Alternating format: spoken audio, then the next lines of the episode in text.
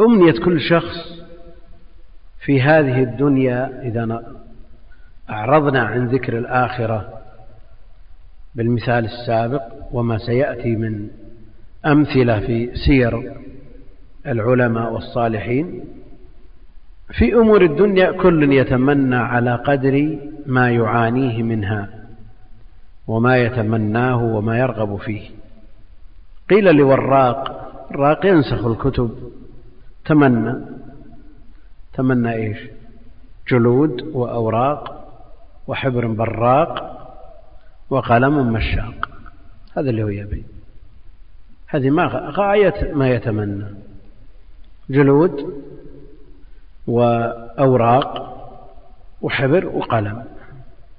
قيل لطفيلي تمنى فقال ندامى تسكن صدورهم.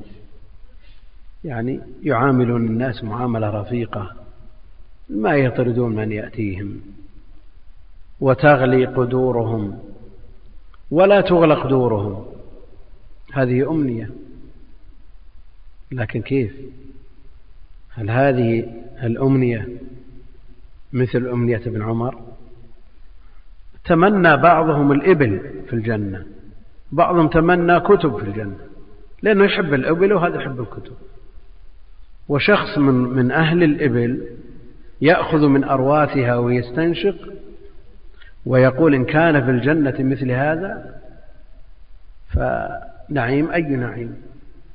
تمنى بعضهم أن يرزق الله فلانا ليقرضه. هذه همته. فهل مثل هذا يسعى لكسب الرزق؟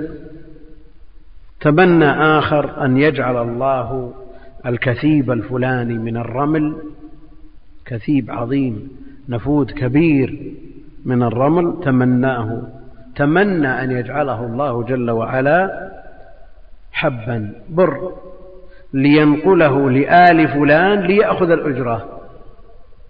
يعني هذه همة لكن همة إيش؟ يعني ما تمنى أن يكون هذا البر لنفسه. هذا صغير الهمة.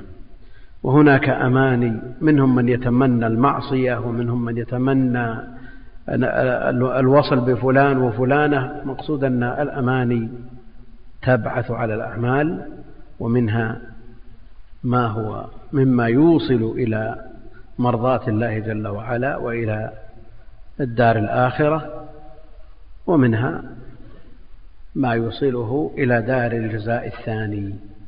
نسأل الله السلامة والعافية. فكل شخص أمنيته على قدر همته.